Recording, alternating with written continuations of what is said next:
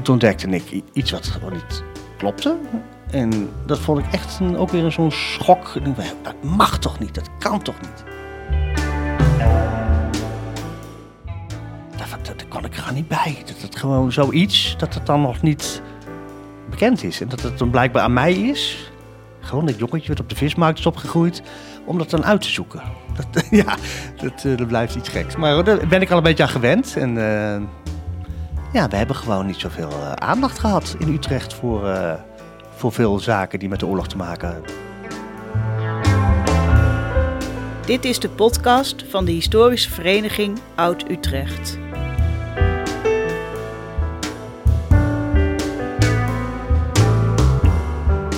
Arjan den Boer spreekt met Utrechtse historici over de geschiedenis van de stad en hun fascinatie daarvoor.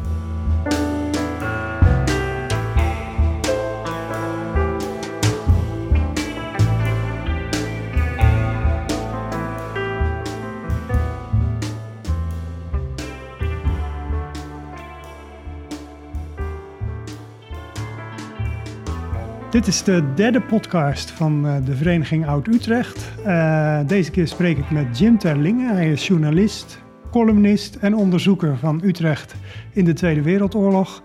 En gebruikelijk bij deze podcast was om af te spreken in de Utrechtse horeca. Maar dat gaat nu even niet, of misschien wel een hele poos niet.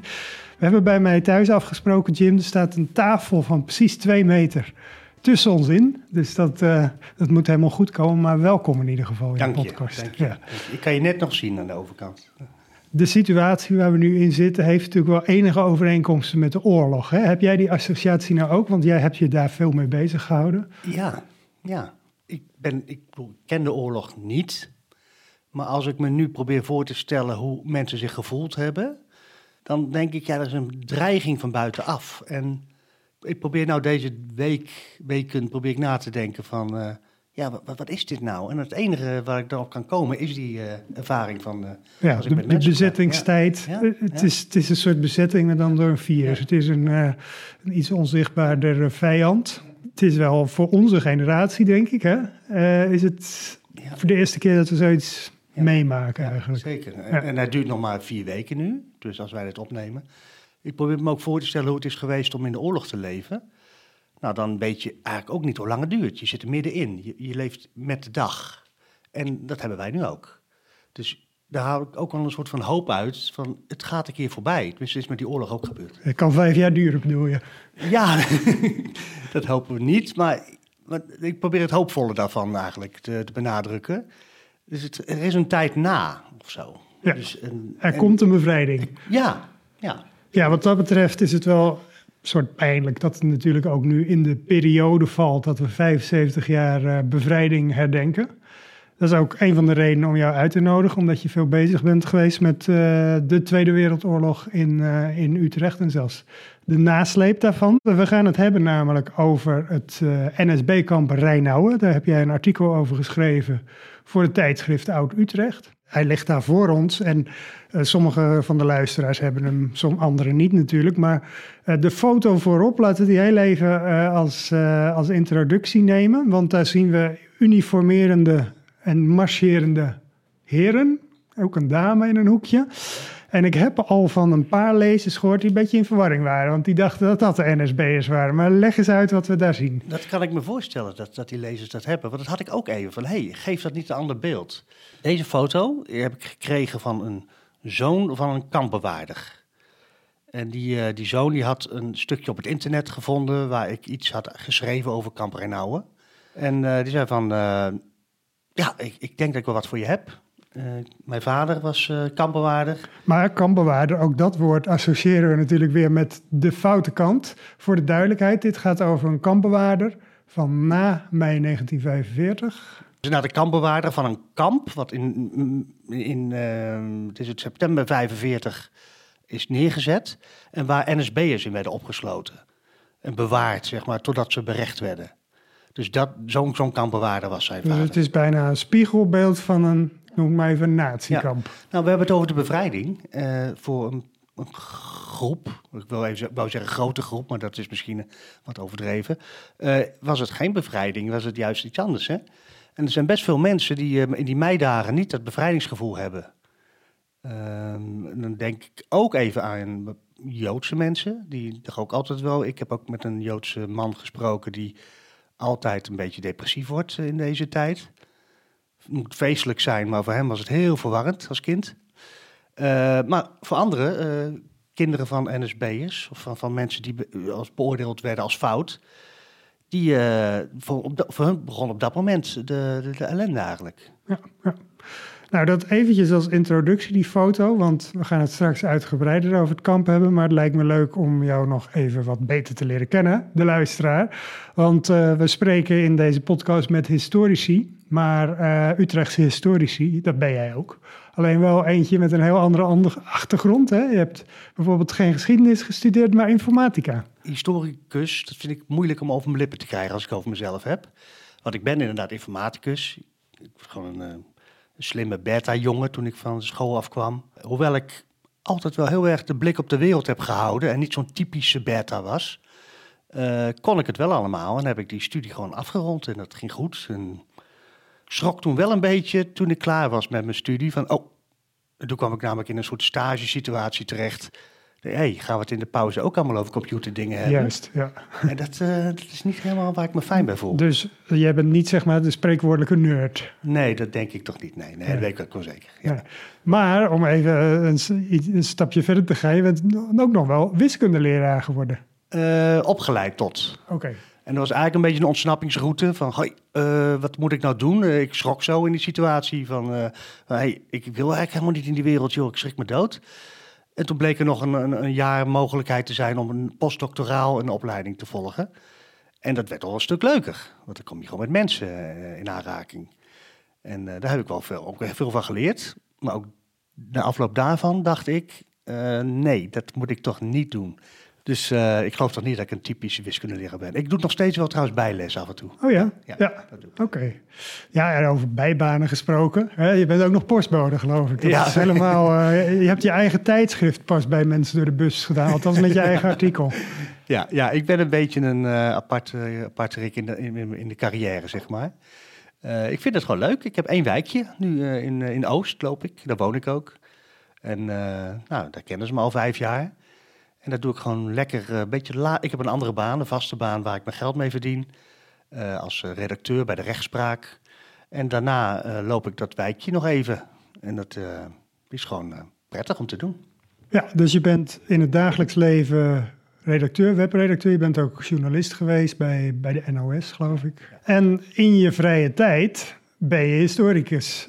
met het oog, of, of in ieder geval onderzoeker, laten we het dan ja. zo noemen. Ja. Met het oog op Utrecht vooral? Ja. Uh, is het altijd Utrecht? Nou, het is wel op die manier gestart hoor. Uh, ik begon zo'n tien jaar geleden met uh, een verhaal. Kwam, iemand kwam bij me, een neef van me, van hey, weet je wel dat en dat over opa? Nee, dat weet ik helemaal niet over opa. Je eigen opa? Mijn eigen opa. Ja. Mijn eigen opa.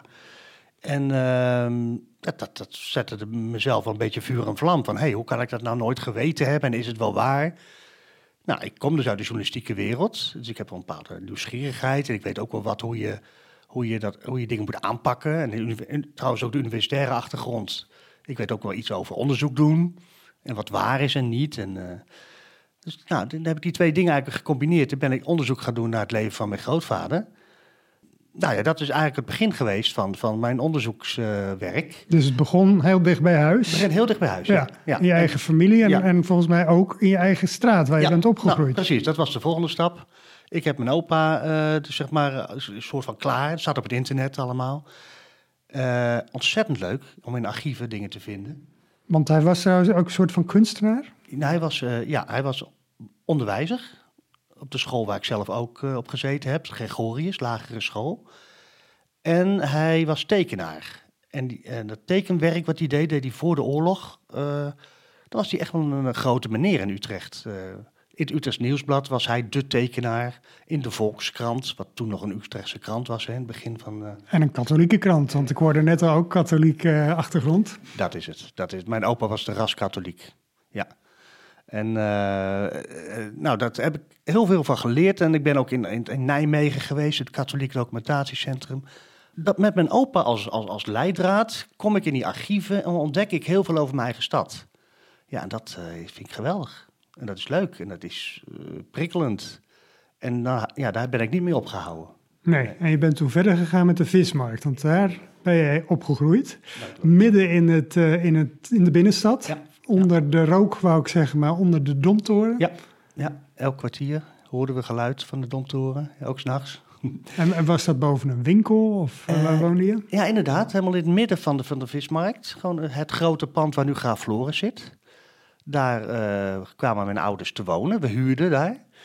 En dat gebeurde in 66, 1966. En ik heb er 26 jaar gewoond. Ik begon maar eens met, nou ja, met mijn ervaringen van, van, eh, van al die archieven. Ik dacht van, dan laat ik dat eens loslaten op het pand waar ik, eh, waar ik gewoond heb. Ik heb dat proberen in kaart te brengen wat er met het huis is gebeurd, wie de bewoners zijn geweest. En toen kwam daar ineens een, een trigger. En dat was eh, de, de eigenaar van het pand. Die had een winkel, Engelman, vishandel, Engelman, daar in dat pand van Graaf Floris, zeg maar. Die, eh, die zaak bleek overgenomen te zijn door het Nederlands Beheersinstituut. Nou, denk, wat is dat? Nederlands Beheersinstituut. Echt gewoon googelen, van eh, wat is dat? Hé, hey, dat is een club die eh, na de oorlog bedrijven overneemt van mensen die ja, fout zijn geweest, om het maar even zo simpel te zeggen. Maar ehm, en kort daarna, dus ik had dus zeg maar die Engelman, wat trouwens, ja, klinkt een beetje raar misschien, maar het is een broer van onze literator Jan Oh kijk, Engelman. hè? ja, de dichter Ja, en criticus. ja. En ik heb ook wel eens gedacht, en zo zit mijn geest in elkaar, van... hey, zou Jan Engelman dat geweten hebben? Of heeft hij er ook iets over geschreven? Of heeft hij dat... Dat zou toch ook wel weer een interessante toevoeging zijn aan... aan Ja, hoe hij tegenover zijn broer stond Ja, in die periode. Ja, ja, ja. Ehm, toen ben ik, dacht ik van, nou, maar wat zit er nog meer hier op die vismarkt? En toen ontdekte ik, en dat vond ik echt een schok, dat er een Joodse slager op de vismarkt had gezeten. En die heette Keizer. En ik denk, hé, hey, oké, zo weet ik niet, nooit van gehoord. Eh, dus, maar tegelijkertijd is het heel gek, hè? Ik ben in 26 jaar gewoond. Waarom weet ik dat niet? En dan ga ik kijken zo eh, wanneer die daar eh, zat, wanneer hij er vertrokken is. Hey, dat was zelfs in de eerste acht jaar van mijn leven dat hij daar zat.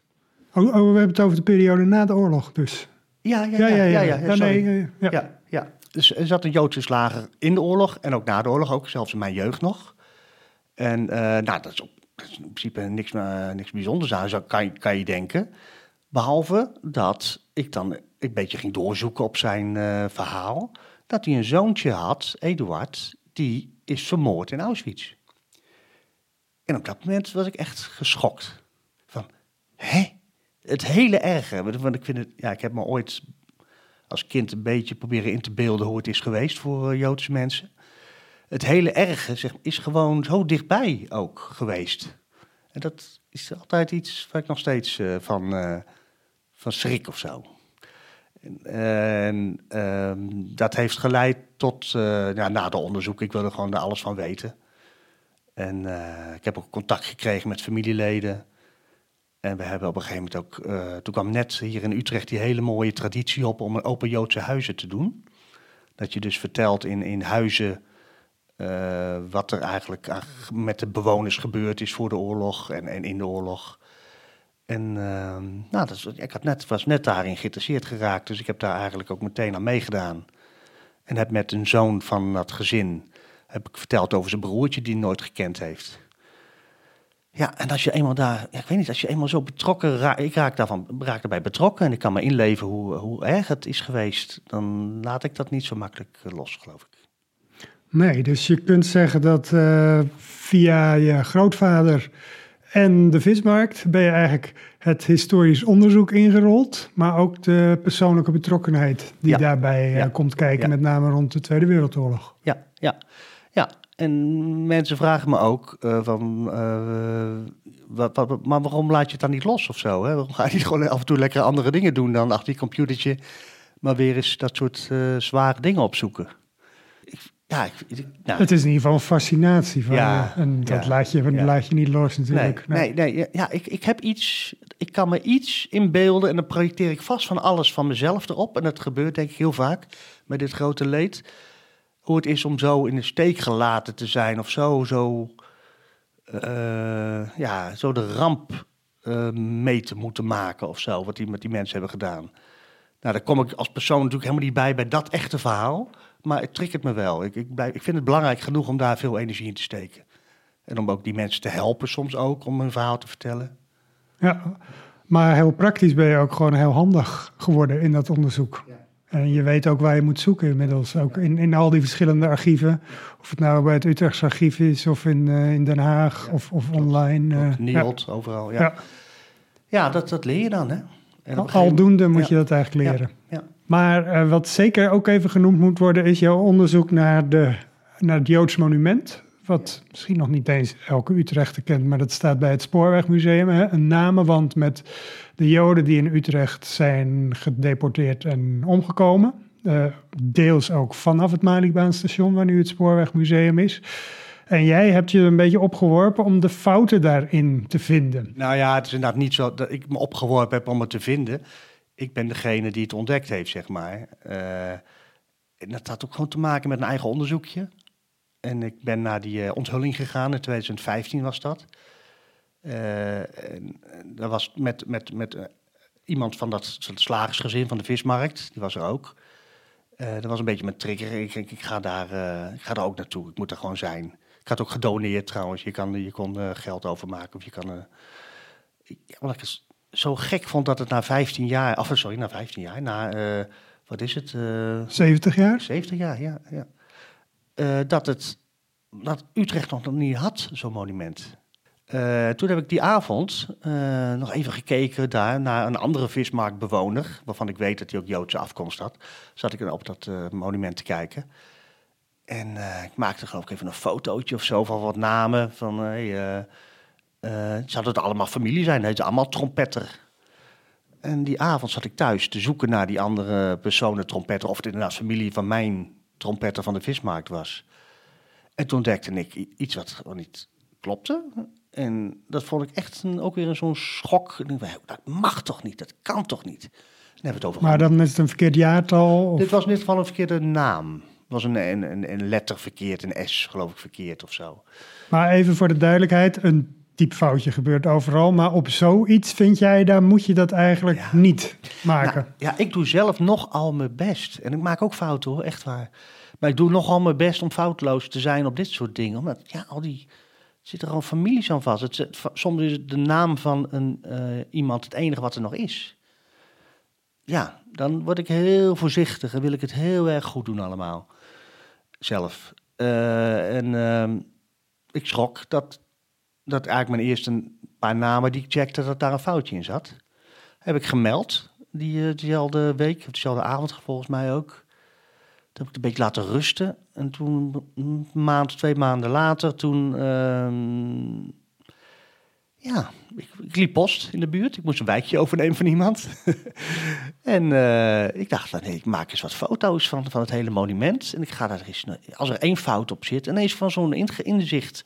Als er één fout op zit, zal er nog wel iets meer op, op kunnen zitten. Inderdaad, ik kreeg snel die bevestiging. Het waren ook weer van die kleinere fouten. Maar toen op een gegeven moment ook een naam op stond van iemand... die de oorlog overleefd had. Kijk, ja. Dus Toen dan gaat het het niet me- om een typfoutje, maar echt om een Nee. Grote fout. Toen werd het me te veel, zeg maar. En Toen, eh, toen heb ik mijn journalistieke broek aangetrokken en dan ben ik naar het AD gestapt. En hebben we samen daarover gepubliceerd. En later ben ik er alleen mee doorgegaan om, eh, om ja, eigenlijk zoveel mogelijk feiten boven water te houden. Maar hoe heb je dat gedaan? Ben je letterlijk de hele lijst met namen afgegaan en alles gecheckt? Nou, Want eerst- e- even voor de duidelijkheid, hoeveel namen gaat het om en hoeveel Joodse slachtoffers dus ook? ja, er staan eh, 1239 namen op, als ik het me goed eh, zeg. Ja. Nee, dat, ben, kan, dat kan ik niet allemaal doen, want het is echt grondig eh, werk wat ik dan doe. Steeksproef gewijs? Ja, steekproef, steekproef, steekproefgewijs. Maar ook soms staat op het monument eh, sterfplaats onbekend of sterfdatum onbekend. En dan denk ik van, hè, we zitten 75 jaar na dato, dat is toch best gek. En nou, dan blijkt dat, eh, dat sommige dingen gewoon heel makkelijk te vinden zijn.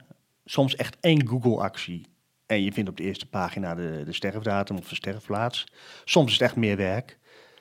Ik moet me een beetje oppassen dat ik niet geïrriteerd raak. Want omdat ik zelf zo preciezer ben, vind ik het wel moeilijk dat, dat er zoveel fouten opgekomen zijn. Hè? En het lijkt me zo erg voor die mensen die het gemaakt hebben, dat monument. Een stichting van goed bedoelende mensen. Daar ben ik echt van overtuigd. En die hebben, eh, ja, hebben een oud bestand gekregen van iemand. En hebben nooit de gedachte gehad van... hé, hey, dat moeten we checken. Zij namen dat als een gegeven aan van dit moet het zijn. Ja. En, en waar kwam dat bestand vandaan? Ja, er zat een mevrouw ooit in dat, uh, in dat bestuur, een Joodse mevrouw. En die, uh, die had dat als een soort hobby, had ze dat...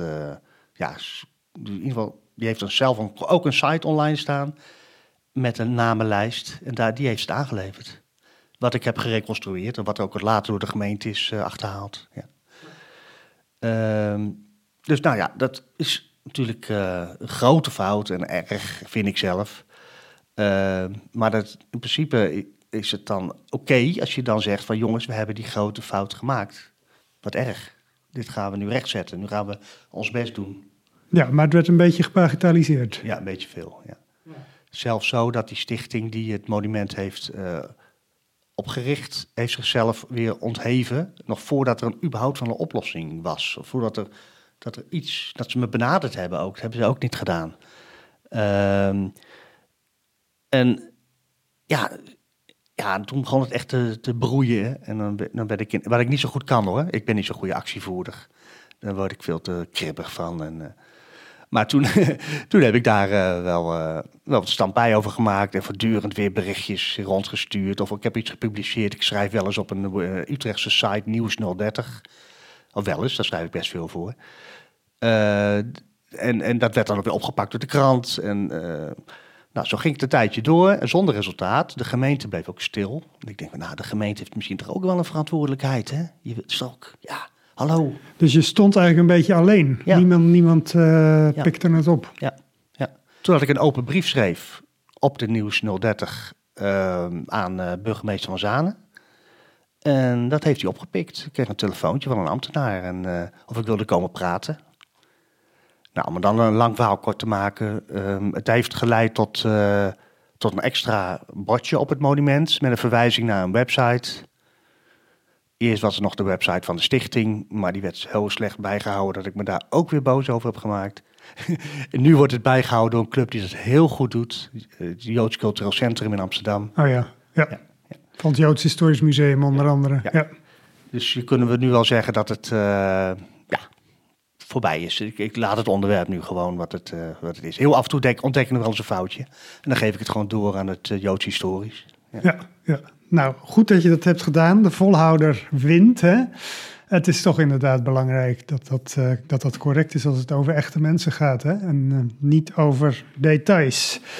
Het is tijd om wat dieper in te gaan op de eigenlijk directe aanleiding. In het uh, tijdschrift Oud Utrecht is van april is een artikel van jou verschenen over dat zogenaamde NSB-kamp Rijnauwen. En je hebt er net al iets over gezegd naar aanleiding van de wat verwarrende foto met marcherende kampbewaarders. Die dus goede kampbewaarders waren. Hoewel, er valt er wat op af te dingen. Horen we zo wel, zeker. want er waren incidenten. Maar laten we het eens even op een rijtje zetten. Wat voor kamp was dat en waar was het? Nou, uh, we zeggen steeds NSB-kamp. Dat is een beetje te kort, uh, te kort door de bocht, maar wel heel helder. Daar zaten mensen in die uh, meteen na de oorlog, echt in de eerste meidagen al, vanuit hun huizen werden gehaald en werden opgesloten. Eerst was het op andere plekken in de stad, in, in, op Tivoli of in Forte Beeld zaten er mensen.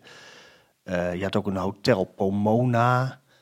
Nou, er zijn zo'n negen plekken heb ik uh, achterhaald. Maar het waren NSB'ers en anderen die gearresteerd werden in de meidagen direct ja, al? Ja, ja, ja.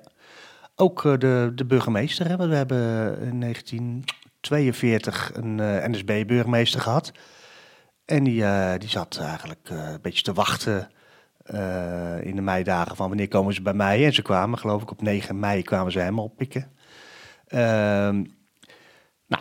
Er worden een heleboel fout, fouterikken, ik zeg het maar simpel, uh, worden, uh, worden dan op, opgehaald en worden op plekken vastgezet in Utrecht. En dat is heel ad hoc. Het, ja, het is natuurlijk een enorme rommelige tijd uh, geweest. Het is ook de tijd, en er staat ook een foto van bij, dat natuurlijk niet al te zachtzinnig werd omgegaan met NSB'ers. Dat ze werden kaal geschoren, gek bord om hun nek gehangen, et cetera. Ja. Ja. Uh, dus dat, dat komt over als heel erg uh, ja, onwettig. Uh, maar die kampen, dat was wel officieel vanuit het gezag. Ja, het militair gezag was dan zo ervoor bedacht. Die hadden de organisatie. Die probeerden de lijnen uit te zetten, en, zodat het allemaal een beetje georganiseerd bleef. en nou, die hebben op een gegeven moment ook geconcludeerd van, nou, dat, wat we nu hebben in Utrecht aan, op, aan, aan ruimtes, aan, aan aan gevangenissen, wat ook in de gevangenis trouwens werden ze opgesloten. Dat is te weinig. We hebben meer nodig. En toen kwamen ze op het idee om uh, ergens op de weg naar Renauwen, dus op weg naar het Pannenkoekenhuis, waar ook op een gegeven moment het Fort Renauwen is. Dan vlak voor is een weiland aan de linkerkant. En, en dat stuk land hebben ze bedacht van nou, daar moeten we maar eens een echt kamp gaan bouwen. Een soort gevangenis. En dat, dat is wat nu vlak bij de Uithof of Utrecht Science Park is, hè? Ja. Dat is daar vlak naast nou, als, je, als, je, als je op de weg naar Renauwen naar de Science Park kijkt, dan kijk je over een weiland heen. Nou, dat weiland, daar stond het. Ja. En uh, daar hebben ze, uh, als, als malle, hebben ze barakken neergezet. En in, binnen, binnen een paar maanden. En die hele begintijd heb ik geen uh, gegevens gevonden, maar in september stond het er, zeg maar. En hoeveel mannen waren het alleen? Hè? Hoeveel mannen pasten daarin? Nou, in eerste instantie uh, besloten ze... Eerst was het natuurlijk leeg, dus ze hebben het leeg gemaakt. En toen hebben ze de mannen van uh, uh, Fort de Beeld... die daar gevangen zaten, die werden verplaatst naar Kamp Renauwen. En dat waren er toen meteen 850. En uh, later het kamp heeft er uh, drie jaar gestaan, om even kort te zeggen, tweeënhalf jaar gestaan. Zo, er is één maand geweest dat er uh, ongeveer 1500 uh, mensen werden geteld. Dus en daar kunnen we dus ook uit concluderen dat er minimaal zoveel foute Utrechters zijn geweest. Die, ja, die in ja, aanmerking ja. kwamen om te worden opgesloten. Want ze zaten daar dan in afwachting van hun berichting? Ja, ja dat is de bewaringstaak. Het was eigenlijk een een verblijfs- en bewaringskamp, zo noemen ze het. Nou, bewaring is, nou, zoals nog steeds een huis van bewaring. Dat is, word je in opgesloten totdat je berecht wordt. En verblijf, dat was ook nog een keer een taak die ze hadden bedacht, maar daar zijn weinig, heb ik weinig van gevonden. Dat is bedoeld voor mensen die toch uit veiligheidsoverwegingen maar beter even opgesloten konden worden. Maar de uh, belangrijkste Utrechters, waarvan we weten dat ze fout waren, die, die hebben er wel gezeten. Ja, want er staat ook bij jouw artikel een foto van een uh, berucht groepje mannen met, uh, met uh, hele hoge laarzen hebben ze aan. Ja. Ja. Waar gaat wie, wie, waren dat? Ja, nou dat is om ook weer onderbiedig te zeggen de Jodenploeg. Dat waren mensen van Kamer 14 op Paardenveld. Het politiebureau. Politiebureau, het hoofdkantoor, ja. En uh, dat was een speciale afdeling. Die hebben ze in 42 opgericht om uh, ja, de Duitsers te ondersteunen met uh, het opsporen van Joden. Maar voor de duidelijkheid waren Nederlandse politieagenten. Ja, ja. ja ook weer met de NSB-achtergrond veelal. En zij zijn uh, deels verantwoordelijk voor die namen die op dat, op dat namenmonument ja, ja, ja, ja, ja. Om even kom, die link te leggen. Ik, ik, kom ze tegen. Ik kom ze tegen als ik onderzoek doe naar de Joodse mensen. Dan, uh, dan, dan, dan, dan, kijk je ook in dossiers hoe een arrestatie is uh, geweest. En dan, ja, dan zie je die namen allemaal weer. Hè? Ja. Zijn dit nou zeg maar de allerfoutste mannen die er gezeten hebben? Want er zaten neem ik aan ook wat lichtere gevallen bij. Misschien collaboratie om economische redenen, dat soort ja, dingen. Ja, ja, nou dat... Uh, dat hoe ik überhaupt op dat kamp Renauw ben gekomen is weer... Ga ik terug naar die vismarkt omdat er daar die, die man van Engelman uh, zat. Die, die, die, die, had echt wel economische motieven. En die zat in Kamp. Ah, kijk, ja. En dus alles, alles is voor jou toch aan de ja, vismarkt Ja, begonnen. joh, het is grappig, ja. En, en toen was weer zo'n moment dat ik dacht van... hé, hey, wat is dat eigenlijk, Kamp Rijnauwen? En dat, dat is eigenlijk de reden waarom ik op dit onderwerp ja, want, want het was eigenlijk totdat jij je erin hebt ja. verdiept... op je website en je columns... maar nu in dit artikel was er heel weinig of niets over bekend. Ja, ja. nee, ja, en dat wil ik nog ook wel even mijn verbazing over uitspreken. Ik, ik leef misschien een beetje een naïeve wereld hoor. Ik denk alles dat alles perfect is. Maar als je dan toch uh, ver in de. Als je alweer in de 21ste eeuw zit. En we hebben een geschiedenisopleiding hier in Utrecht op de universiteit. Ik heb er wel eens gecheckt of het echt zo was. daar, daar, kwam ik er niet bij. Dat het gewoon zoiets, dat het dan nog niet bekend is. En dat het dan blijkbaar aan mij is. Gewoon dat jongetje wat op de vismarkt is opgegroeid, om dat dan uit te zoeken. Dat, ja, dat, dat blijft iets geks. Maar daar ben ik al een beetje aan gewend. En uh, ja, we hebben gewoon niet zoveel uh, aandacht gehad in Utrecht voor, voor veel zaken die met de oorlog te maken hebben. Maar aan de andere kant is het natuurlijk wel weer geweldig dat er nog onderwerpen zijn om te ontdekken op deze manier. Ja, zeker. Zeker, zeker, zeker, zeker. Nou, dat is ook de onderzoeker die spreekt in jou, zo te zien. Ik, ik vind het ook altijd leuk ja, als je iets ontdekt ja, wat nog niet eerder uh, ja, zeker, zeker. gezien is of beschreven. Zeker, zeker, zeker, Dus dat is ook heel bevredigend hoor, moet ik eerlijk zeggen. Ook. Dus uh, ze straffen me er niet mee om dat te doen. Maar toch, ik vond het wel op, opmerkelijk, ja. Welke, welke bronnen heb je hiervoor geraadpleegd om zoveel mogelijk over dit kamp te weten te komen? Het Nationaal Archief in Den Haag heeft dossiers en die vallen onder het CABR, Bijzondere Rechtpleging. Archief, Centraal Archief Bijzondere Rechtpleging. Dus na de oorlog uh, zijn uh, al die, die verdachten onderzocht. En er is, is natuurlijk onderzoeks, was een onderzoeksdossier en dan komt er een berechtingsdossier. En er zijn allemaal verhoren in. Nou, daar, daar hebben ze heel veel dossiers waar ik al vaker in zocht. Ja, maar als het direct met een Joodse, Joodse Utrechter te maken had maar ze blijken ook uh, van het kamp iets te hebben. Dat er, dat er mappen zijn met, met beschrijvingen, met, met inspectierapporten. En daar heb ik eigenlijk wel mijn. Dat, zijn toch, dat is toch wel de bron van de belangrijkste bron die ik had, ja. Ja, er staat ook bij het artikel afgebeeld, dat is geloof ik ook uit dat, dat archief wat je nu noemt. Een, een soort programma van de activiteiten die er georganiseerd werden. Ja, wat, dat komt wat, eruit. Wat voor dingen moeten we dan aan denken? Wat werd daar ja, die mensen moesten ook bezig gehouden worden. Ja, even, pak het even bij hoor. Uh, er werden concerten georganiseerd, er een filmavond, cursussen. Uh, even kijken, schaken, Spaans, kleermakerij. Spaans, je leerde Spaans in het, uh, ja. in het NSB. Ik zie het staan. Ik... Ja. Gelukkig geen Duits. nee, inderdaad. Maar uh, dit was dan zeg maar de vrije tijd. Uh, het was een mannenkamp in, uh, bij, bij Renauwen. Uh, zij werden ook te werk gesteld. En ze moesten ook werk doen. En er waren een aantal objecten en ook waar grotere clubs aan het werk waren. En soms ja, was er nog wat een, een, een, gemeente die vroeg weer wat mensen en dan om, het, om een veldje te egaliseren of zo. En daar waren ze daar een weekje mee bezig of zo. Dus ook kleinere klusjes. Maar er was altijd onder begeleiding van de bewaker... waren altijd die mensen ook alweer uh, aan het werk. Maar ook bij bedrijven werden ze toch uh, zeker, zeker, zeker, aan toegewezen? Zeker, zeker. Nou, de meest bekende denk ik in Utrecht is, is Jogerius. Hè? daar... de auto- en carrosseriebedrijf... Ja, wat, ja. wat nu bekend is van Villa Jongerius. Ja, precies. En ook op die locatie. Daar, daar heeft ook een... weet ik eigenlijk minder van dan jij misschien zelfs... Uh, heeft ook een fabriek gestaan. Ja, ja. ja, ja. carrosseriefabriek ja. voor, voor vrachtwagens, bussen. Ja. Nou, daar, daar zijn ze aan het werk geweest ook. Denk je dat er binnen dat kamp nou nog een soort onderscheid was tussen heel erg foute en wat minder foute personen in de, de vrijheden die ze kregen? Of was het allemaal gelijke monniken, gelijke kappen? Hmm, dat vind ik een, moeilijke vraag. Ik, nou ja, weet, ik zag bijvoorbeeld die architect, hè? de, hoe heette die, Quint of zo? Uh, Quiré. Oh ja, Quiré. Ja, ja. Was, een, was een van de wethouders in, tijdens uh, oorlogstijd. NSB-wethouder. NSB, ja. Maar die mocht gewoon zijn beroep een beetje ja, nog daar uitoefenen. Ja, ja, nee zeker.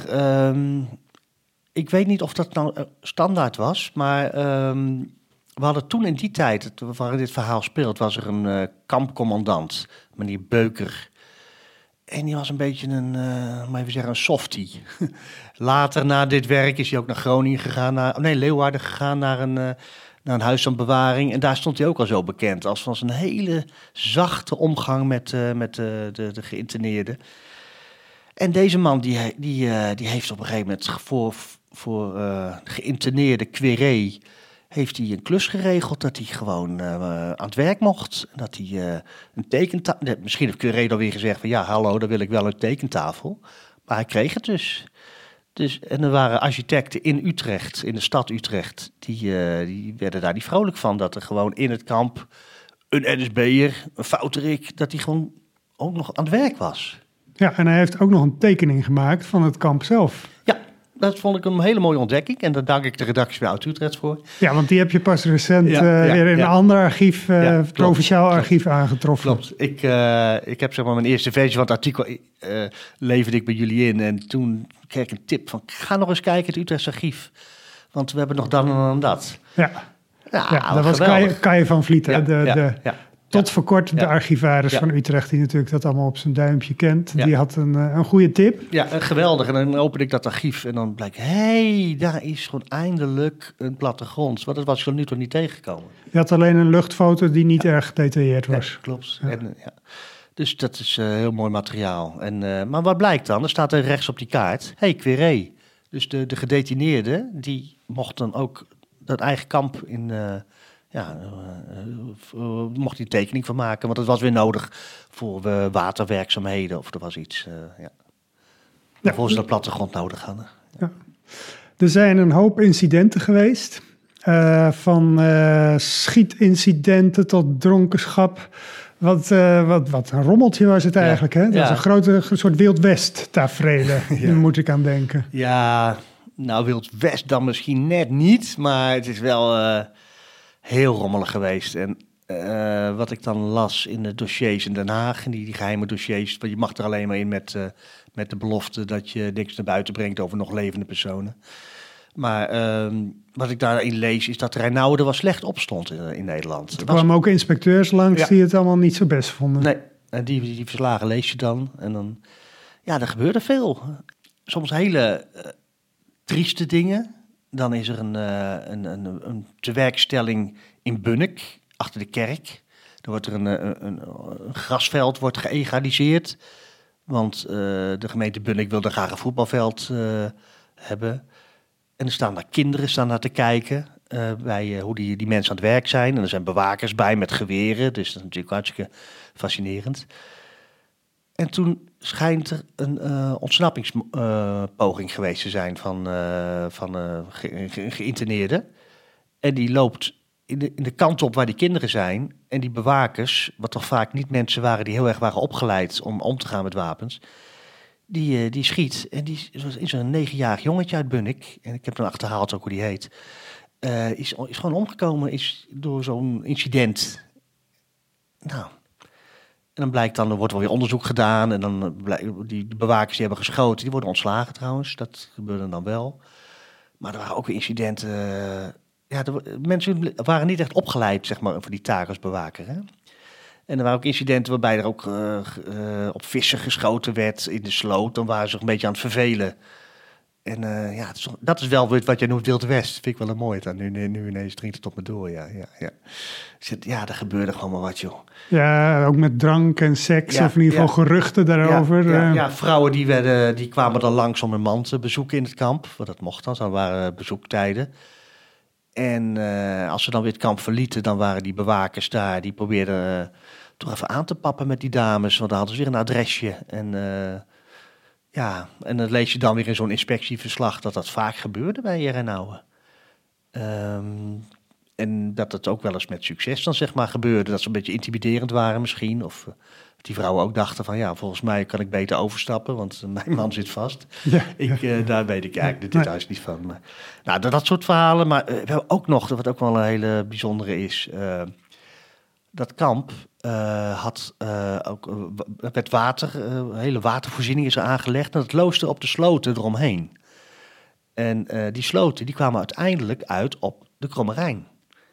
En wat gebeurde? Nou, die Kromme Rijn, verderop in de Kromme Rijn had je het zwembad, de Kromme Rijn. En dat was op een andere plek dus waar het nu staat. Hè? Dit was een buitenbad. En dat maakte gebruik van... wel, in de, wel in de buurt van waar Ja, het ja, nu staat. Hè? Ja, ja. ja, ja. En die maakte gebruik van, het- van het water van de Kromme Rijn. En er was in 1947 dat, eh, dat daar werd geconstateerd dat, eh, dat het een heel vervuild water was. En dat eigenlijk dat jaar besloot men eh, eh, het zwembad maar niet open moest. Omdat het zo vies was geworden door alles wat er geloosd werd vanuit het kamp. Dus je zou eigenlijk in de, riool, in de rioolsoep van de NSB'ers zou je gaan zwemmen dan. Ja, ja, ja. Ja, ook een. eh, ja, er is ook een, een hele bekende SD'er die op de Malibaan eh, eh, zat, meneer Preups, Preupsting, ja. Die, die komt ook voor in het boek van Ad van Liemt over de, de Malibaan. En die heeft ook een tijdje eh, eventjes in Kamp Rennauer gezeten en is daar ontvlucht. En die heeft anderhalf jaar op vrije voeten die kunnen blijven. Weet je, dus eh, voortdurend was er wat. Ja. Wat waren dat nou voor mensen, die bewakers? Waren dat een soort vrijwilligers? Veel.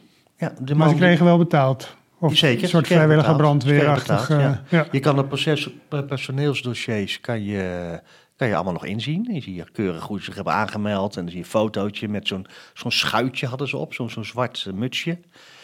Eh, en zo ook die persoon die er nu op de voorpagina staat. Hè. Dat is meneer Spiering, Evert Spiering. En dat was een schoenlapper. Ja. En die, eh, die, Die had ook nooit met wapens eh, gewerkt eerder, mag je hopen. Nee. Nee. Nee, en ik sprak dan met die zoon die me die foto heeft aangeleverd. En die kan zich ook herinneren dat zijn vader met een zware jas en een wapen had hij bij zich. En dan heeft hij het een keer aan zijn zoon gegeven. Nou, die, eh, die moeder schiet meteen in de stress van, joh, dat kan helemaal niet en zo. Maar dat maakt veel indruk op zo'n jongetje. Ja, we hadden het er net al even over, over die foto. Als je zo'n foto ziet met die zwarte uniformen hè, en, en dat, dat, dat hoofddeksel wat je al noemde. Dat is toch inderdaad, achteraf denk je, het lijkt ook allemaal erg op elkaar. Dat was ook gewoon in die tijd, eh droeg op beide kanten dat soort Ja. eh, pakjes. Hè? Ja, ja. ja, Nou, eh, je, ik, leer, ik heb wel geleerd om heel veel te zien, ook in de tijd. Maar toen was je, waren heel veel dingen georganiseerd. Als het maar een, ja, als je maar een, eh, er waren veel clubs. En eh, ja, ik, nee, ik kan het niet goed uitleggen wat ik hiermee bedoel. maar Nou, Het ik kan me wel voorstellen, wel voor de oorlog had je natuurlijk bij alle politieke Ja. partijen had je van die optochten Ja. met vaandels, die wij nu met de nazi's eh, associëren. Maar dat deden, deden de socialisten en de katholieken deden dat ook. ja, het eh. was natuurlijk enorm verzuild. Ja. ja. En ja, ik weet niet of het nu ook passend is om dit nu ook te vertellen. Maar ik ben mm, alweer bezig met een nieuw onderwerp. Ja, daar willen we wel wat over weten. Het zal dat- vast ook met de Tweede Wereldoorlog te maken hebben. Zeker, Ja. zeker, zeker, zeker. Nou, dat is dan de Joodse Raad in Utrecht. En over verzuiling gesproken, heb ik me verdiept. Wat is dat dan? Oh, Sowieso de Joodse Raad en hoe zit de Joodse wereld in elkaar? Hoe, ik bedoel, je hebt gewoon mensen, winkeliers die Jood zijn. Maar hoe zat hun wereld in elkaar? Bleek ook een zuil te zijn. En eh, ook met verenigingen. En als, het, en als je wilde, kon je eigenlijk van, van ja, jongs af aan tot aan je sterfbed kon je zeg maar in die wereld blijven. Net zoals je dat ook had in de katholieke wereld, socialistische wereld. Ja. Ja, eigen scholen, ja, kerken uiteraard, eh, bedrijven waar je, waar je hoorde boodschappen te doen. Ja, ja. Nou, en dan, eh, hoe kom ik dan op de Joodse Raad? Ehm, er is een boek verschenen van Peter Heijn. Weet niet of je het kent. Dat heet, heet eh, De Onderduikers. En dat is een verhaal van zijn ouders. Hij woonde eh, in Utrecht, in het centrum, vlakbij de Breedstraat, met zijn ouders. Het waren Duitse vluchtelingen van oorsprong, eh, zijn ouders. Hij is hier zelf in Nederland geboren. En nou, die moet op een gegeven moment ook melden, zich melden bij, eh, bij, ja, bij het gezag eh, om, om voor deportatie. En die vader heeft er helemaal geen zin in. En die, eh, die weet gewoon uit Duitsland wat er allemaal, eh, wat er toen allemaal gebeurde. Dus dat, eh, dat, dat wil hij niet. En die gaat langs bij de Joodse Raad in Utrecht. En dat is een, een, zeg maar een, een dependance van de landelijke Joodse Raad. Dat is een, moet ik even uitleggen wat het is, denk Joodse Raad. Hè? Ja. Joodse Raad was een instantie die door de Duitsers eigenlijk is ingesteld. En die hebben aan een groep Joodse mensen eh, gevraagd: willen jullie de vertegenwoordiging zijn voor de hele Joodse gemeenschap in Nederland? Eh, er is veel discussie over eh, geweest, en nog steeds, of dat wel een goede actie is geweest. Want eigenlijk heeft de Joodse Raad zich voortdurend laten misbruiken door de Duitsers. Het is een beetje burgemeester in oorlogstijd verhaal. Ja, ja, ja, ja. Ik heb ook een keer de term overlevingscollaboratie eh, gehoord. En ik, weet je, ik begrijp het ook. Je bent bang. Net, ik bedoel, wij Ja, zijn- en men dacht misschien, misschien kunnen we nog iets eraan Ja. redden, Ja. de scherpe kantjes eraf Ja, eh, halen of zo. Maar ja, dat was niet zo. Nou, er was dus een afdeling in Utrecht. En daar heeft die man, die vader van die, van, eh, die Peter Heijn, eh, die is daar langs gegaan om te vragen van mag ik een, mag ik een stempel krijgen, want dan word ik gesperd en dan kan ik ja, zo uitstel krijgen van deportatie. En dan- Peter Heijn schrijft in zijn boek wat er dan gebeurt tussen de voorzitter van de Joodse Raad en zijn vader.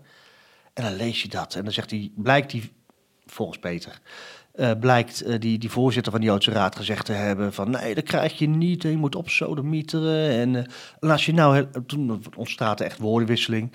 En als je, ehm, als, je niet, als je nou helemaal niet opdondert, dan zorg je dat je vanavond nog gedeporteerd wordt.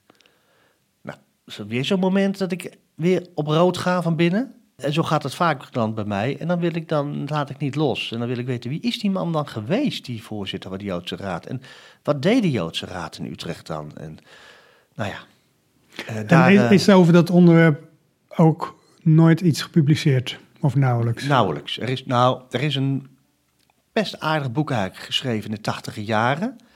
Dat, eh, dat beschrijft het archief van de Joodse gemeente. Dus NIGU, het Nederlands-Israëlitisch gemeente Utrecht. En, eh, maar de, de, de, schrijver daarvan, die eh, mocht alleen het archief inzien als hij geen namen noemde. Dus daar kon ik mijn naam van die voorzitter ook niet vinden. En ik, ik dacht ook van, nou, voor mij valt er wel wat meer aan te onderzoeken dan hij heeft gedaan. Dus ik ga daar nu, ik ben er al een tijdje mee bezig. Ik probeer het nu onder woorden te brengen. Allemaal op, op te schrijven. Ja.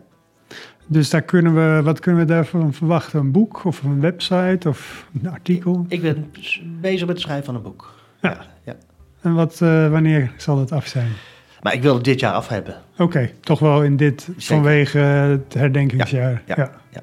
Maar we kunnen dus weer eh, na eh, je artikel over het kamp Rijnauwen en je eerdere werk over het Joods monument, kunnen we weer nieuwe gegevens tegemoet zien over de Tweede Wereldoorlog in Utrecht, de Joodse Raad. Ja. Ja. Veel succes daarmee en eh, Dank je. dank voor je komst. Eh, met twee meter afstand, maar het was Ja. een leuk gesprek. Ja, zeker. Ik vond het heel aangenaam. Dank je wel.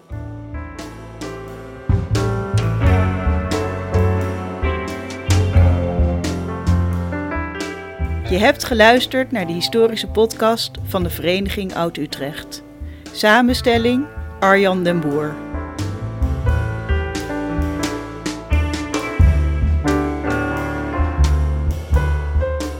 Meer afleveringen en abonneren via www.oud-utrecht.nl.